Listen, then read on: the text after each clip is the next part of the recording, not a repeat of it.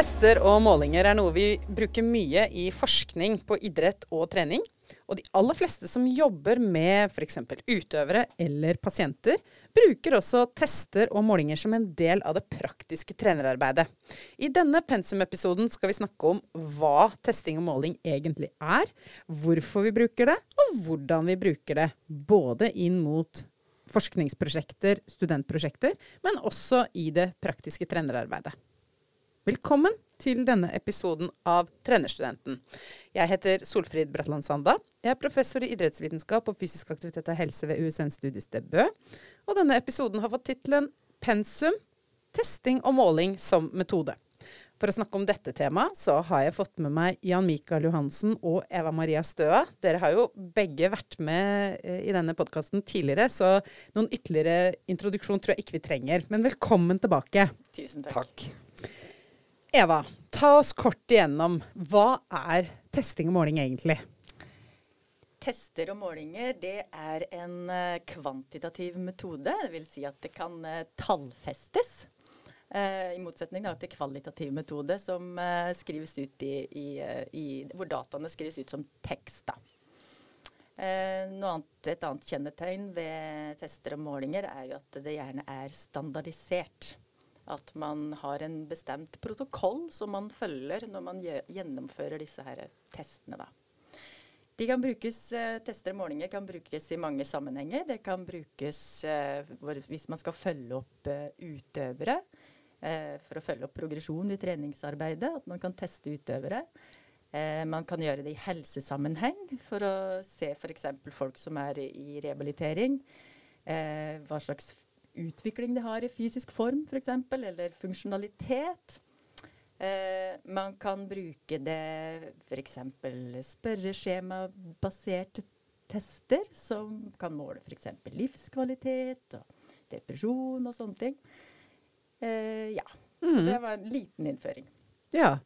Og nå favna du jo egentlig veldig mange hva skal jeg si, disipliner. Altså, du har både fysiologiske tester, psykologiske tester, mer pedagogiske tester. Veldig mange har, husker kanskje lesetester eh, som de har vært igjennom på skolen, med lesehastighet og sånne ting. Uh, Jan Mikael, hvorfor bruker vi testing og måling? Det kan jo være mange grunner til at vi ønsker å bruke tester og måler, målinger. Eh, men i en, eh, en uh, vitenskapssammenheng, eller forskningssammenheng, så, så kan man bl.a. bruke det hvis man ønsker å se i vårt, i vårt idrettsfelt, f.eks. og trening, så, så f.eks. bruke det til å vurdere effekt av et treningsprogram. Hvis, du, eh, hvis, det er noe vi ikke vet om eh, f.eks. styrketrening, uh, så er det mulig å prøve å finne ut av det ved å teste en gruppe mennesker før et styrketreningsprogram. Og så gjennomfører de da styrketrening over åtte-ti uker f.eks. Og så tester man de igjen i de samme testene på akkurat samme måte som, som Eva sa, at de er standardiserte. De er helt identiske da, både før og etter. At vi er sikre på at vi måler og tester det samme. Mm. Da kan vi vurdere effekten av det styrketreningsprogrammet. Har de mm. blitt sterkere, så har det hatt god effekt. Hvis det ikke har skjedd noe, så vi, kan vi konkludere med at det, i hvert fall den, det programmet som de fulgte, det hadde ingen effekt mm. på f.eks. maksimal styrke. Da. Det er én måte å gjøre det på. Mm. Noen andre typer uh, målinger som vi kanskje er litt opptatt av i det praktiske trenerarbeidet, er jo f.eks laktatmålinger, selv om det også er litt sånn kontroversielt. Eh, Eva, kan ikke du ta oss litt gjennom det? Ja, altså i en uh, idrettsverden, eller som trener, så er det jo viktig å følge progresjonen til uh, utøverne sine. Og da bør man jo finne noen relevante tester for hvordan man skal følge, følge opp utøverne sine. Uh, og da har man jo gjerne noen arbeidskrav som er på en måte grunnlaget. Og det betyr at det er de kravene til f.eks. arob-kapasitet, til hurtighet, til styrke, som kreves for å nå opp på et bestemt nivå for en utøver. Så hvis en utøver skal utvikle seg, så komme opp på et, på et nytt nivå, så er det noen kanskje nye arbeidskrav som gjelder. Og da må man teste utøveren sin Da gjør man en kapasitetsanalyse. Så da gjør man tester f.eks. i arob-kapasitet, hurtighet, styrke, avhengig av hvilken idrett det er, hvilke eh, tester som er relevante. Eh, og da kan jo eh, laktat måle fart på laktatterskel. Det er jo en vanlig, vanlig test, som er én måte å måle arob-utholdenhet på. Eh, men så er det jo andre tester som er minst like relevante, som maksimalt oksygentak og arbeidsøkonomi, som er spesielt relevant for utholdenhetsutøvere. da. Mm. Mens for mer eh, andre innenfor andre idretter, f.eks. Eh, la oss si at det er sprintere, så vil det jo være andre tester som er minst like relevant, som mer, går mer på hurtighet, spenst og sånne ting. Mm. Ja, I forlengelsen av det som Eva sier, så kan jo de testene som du bruker for å skape den kapasitetsanalysen, da, de kan jo være et uh, viktig verktøy for å finne riktig intensitet i mm. treningsarbeidet uh, som du da skal gjennomføre etterpå. Uh, F.eks. Ved, ved denne hastigheten på laktatterskel, da, ved å måle laktat, eh, hvor man da kan bruke den hastigheten i trening etterpå. Eller hvis man har målt eh, makspuls f.eks., og bruke da uh, Man skal ligge på en viss intensitet, uh, en viss prosent av makspulsen sin. Så må man vite hva makspulsen er, og det tester man. så i en mer praktisk sammenheng så er jo det et viktig, et, viktig, poeng, da. Mm. Og så er det jo en uh, annen måling, eller om det ikke er en test, så er det i hvert fall målinger som, og data som mange av oss får hver dag. enten vi har det på smartklokke eller vi har det på mobilen. Og det er jo f.eks. skritt. Hvor mange skritt har du gått i løpet av en dag? alle sånne ting. Det er også målinger. og grunnen til at jeg trekker inn dette med mobilen er, eh, og, og, med smartklokkene, er fordi dette gjør jo veldig mange målinger mye mer tilgjengelig for oss. Men da er det også viktig eh, at vi snakker om det som handler om eh, validitet og reliabilitet. Eh, fordi det er ikke alle målemetodene som er like eh, gode eller like valide. Eh, og, og, dette med reliabilitet og validitet det har vi også snakka om i andre episoder, men det er greit at vi, at vi, også her bare gjentar det. Så bare kort, hva er reliabilitet og validitet, Eva? Reliabilitet det går på nøyaktighet. Hvor nøyaktige er testene? Hvor gode er testene? Det, det betyr at hvis vi gjør en test den ene dagen, og så gjør den på nytt igjen den andre dagen, så bør man jo få de samme målene. De samme tallene ut. Mm. Eh, da er den nøyaktig. Eh, validitet, det går på gyldighet. Altså i hvilken grad er denne testen gyldig for å finne svar på det man ønsker å, å måle. Mm. Så eh, en test kan jo være veldig nøyaktig og god, men det betyr ikke nødvendigvis at det er den mest relevante å bruke eh, i ulike situasjoner. F.eks. Eh, spørreskjema eh, er jo veldig ofte validerte. Eh, men så kan man si at eh, Og kan, de kan være veldig nøyaktige.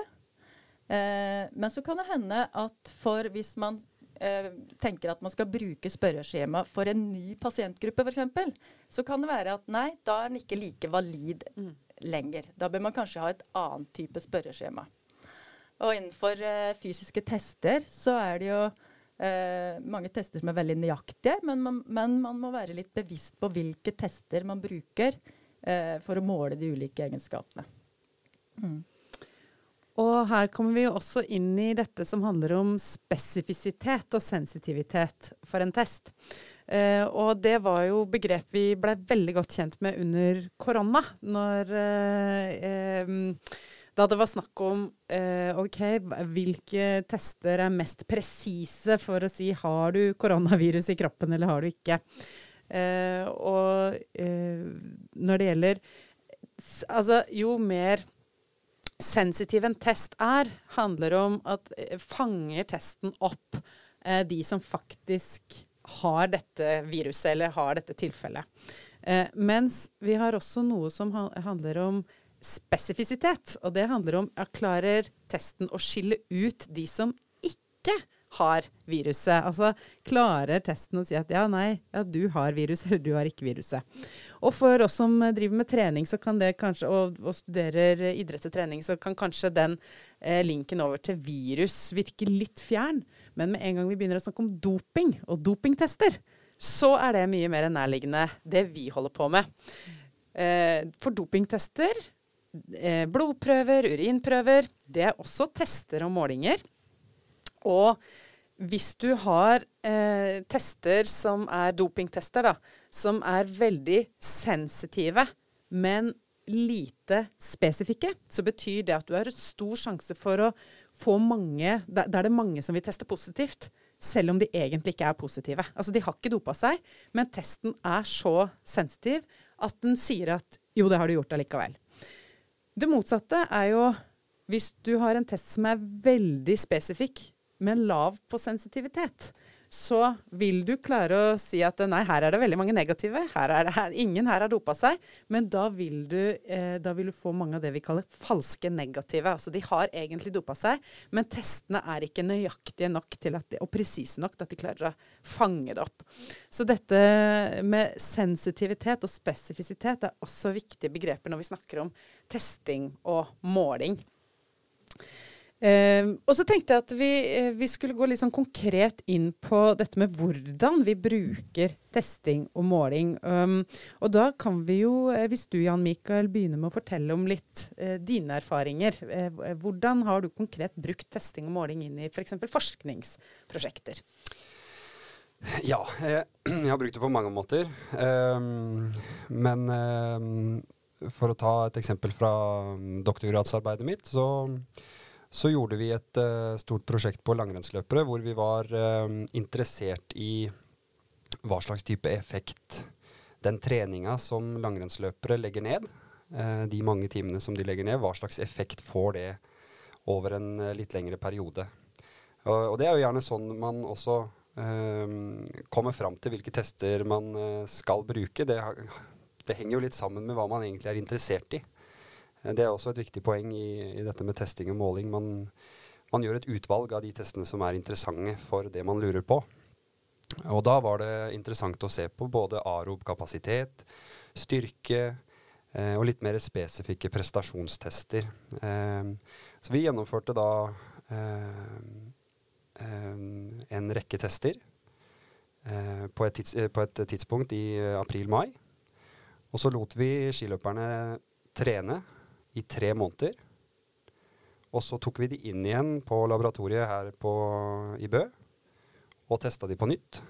Og fikk da, en, uh, fikk da se om, om den treninga de hadde gjennomført, hadde noen effekt.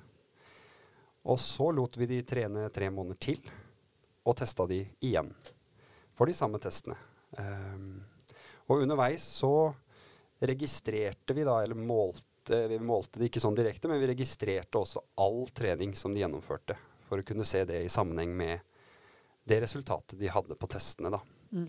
Um, så det, var, eh, det er én måte å jobbe med det på. En annen måte som jeg har også jobba med mer nå i seinere tid, er jo å måle fysisk aktivitet hos barn og uh, unge på, som går på skole. For å måle uh, det fysiske aktivitetsnivået i løpet av en skoledag, i løpet av spesifikke skoleaktiviteter som eh, friminutt og kroppsøvingstimer. Eh, hvor de da går med en aktivitetsmåler på hofta gjennom hele dagen, eh, som måler eh, hvor aktive de er, da. Mm. ja. Eva, du har jo eh, også brukt eh, mye testing og måling inn i dine forskningsprosjekter, hvis vi holder mm. det til forskningsprosjekter enn så lenge.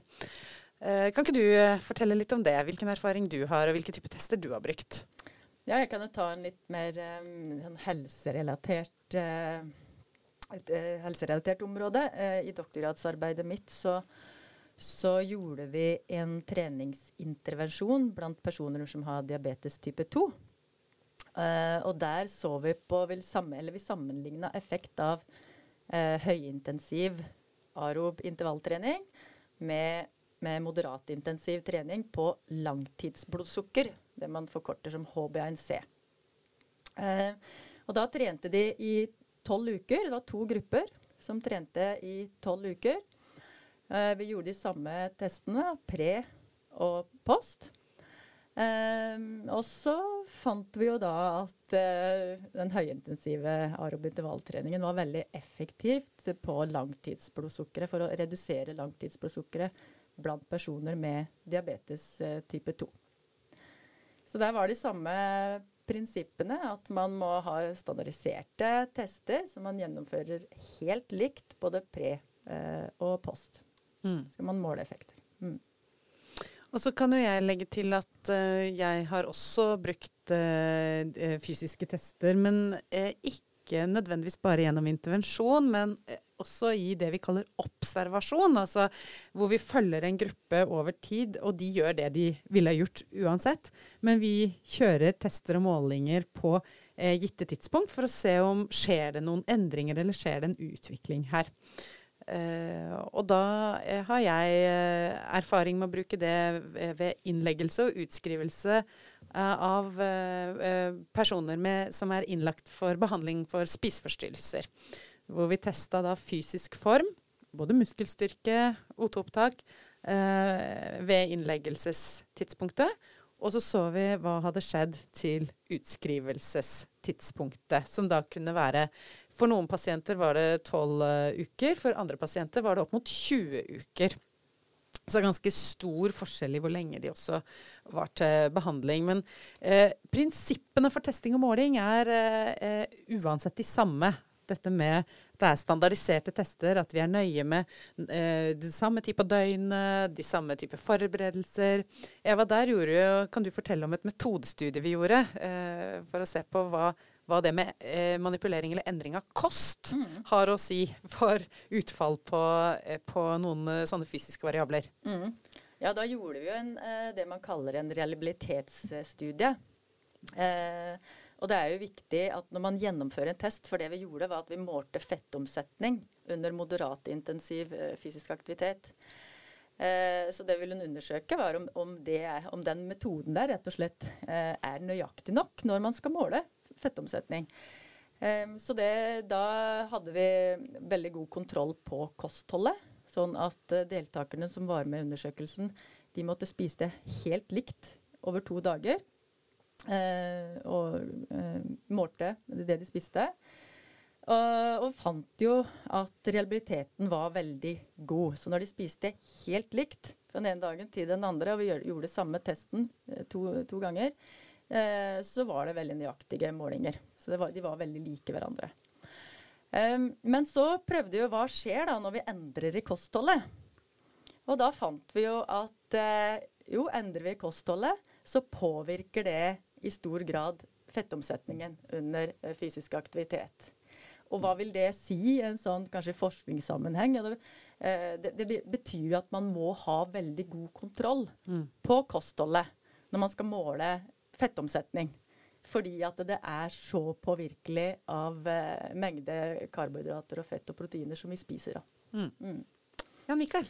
Ja, jeg tenkte jo eh, også på eh, når vi nå også snakker om dette med sensitivitet og, og spesifisitet, eller spesiell sensitivitet, så, så jeg jobber jo også som labansvarlig mm. eh, her på campus og har ansvaret for den, det laboratoriet som vi har her. Og, og det, en, altså det å teste eh, apparaturen, det er en stor del av det mm. arbeidet. Eh, og det går rett og slett på å forsikre oss om at maskinen måler det den skal, mm. og hvor nøyaktig den gjør det. Mm. Um, den, den, kommer med en feilmargin fra produsenten, men det er veldig nyttig for oss å vite hvor stor den er nøyaktig. Da, for å, når vi har folk inne som tester pre og trener eh, over en periode, og tester igjen på post, så hvis det da har skjedd en endring, så må vi vite om den endringen er reell eller om den er bare fordi at maskinen måler unøyaktig. Mm. Um, og da, da, tester jeg maskinen gjentatte ganger over korte tidsrom mm. for å se om maskinen måler det samme. Og løper eller sykler på den samme belastningen mm. for å se om maskinen måler det samme fra gang til gang. Eh, for å rett og slett forsikre at, at nøyaktigheten er eh, god nok. Mm.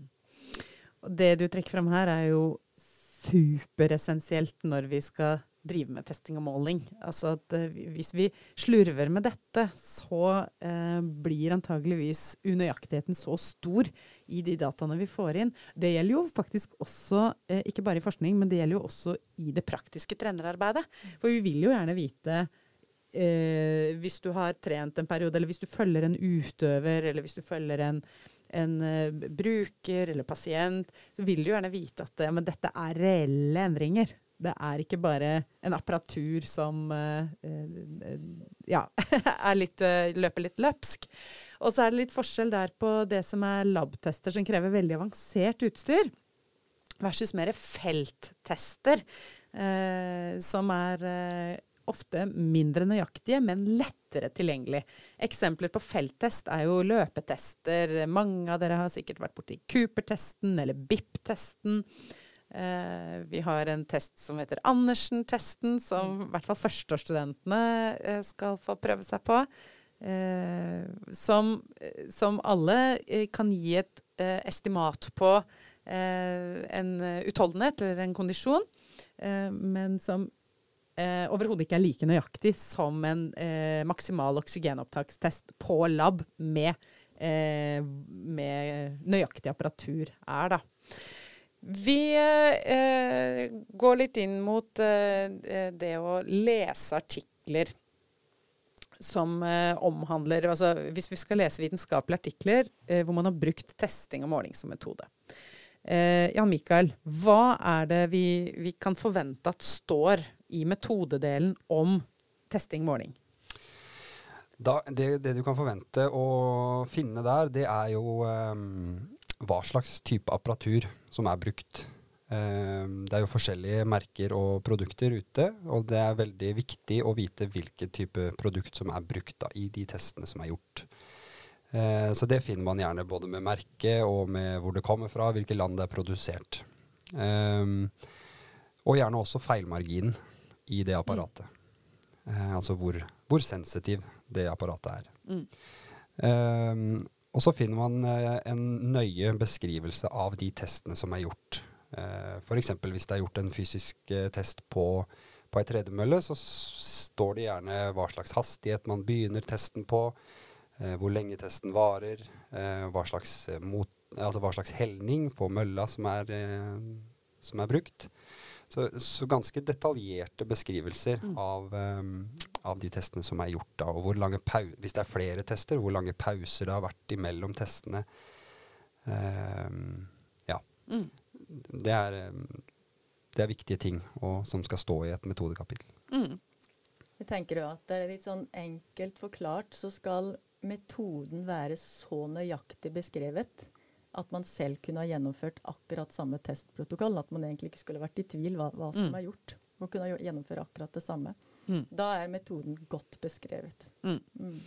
Og der òg, rent konkret, noe som, som, det kanskje ikke alltid står noe om, men som, eh, og som vi ikke tenker over før vi skal i gang med studier sjøl, det er jo dette med eh, hadde de eh, typ heiing eller veiledning under testen?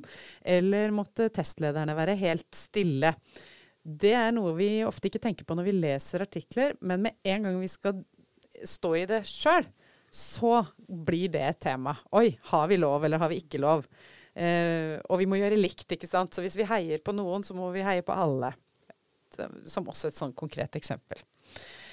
Vi har jo noen sånne gode eh, kilder eh, og, og, gode ressurser om testing og måling som vi kommer til å legge eh, link til i eh, metodebeskrivelsen. Eh, hvis jeg kort skal kunne eh, oppsummere, ok, hva er testing og måling? Eva, hjelp meg litt med det. kort oppsummert, hva, hvordan og hvorfor? Testing det er, eh, det er, en kvantitativ metode. Det, kan, det er tallfestbart. Det sier Du kan bruke det til å måle effekter av noe, du kan bruke det til å kartlegge noe. Og det er veldig viktig at de testene man velger, er både nøyaktige og de skal være gyldige. Mm. Altså reliable og valide. Yes. Yes. Og at vi bruker standardisering rundt testene som et viktig prinsipp. Ja.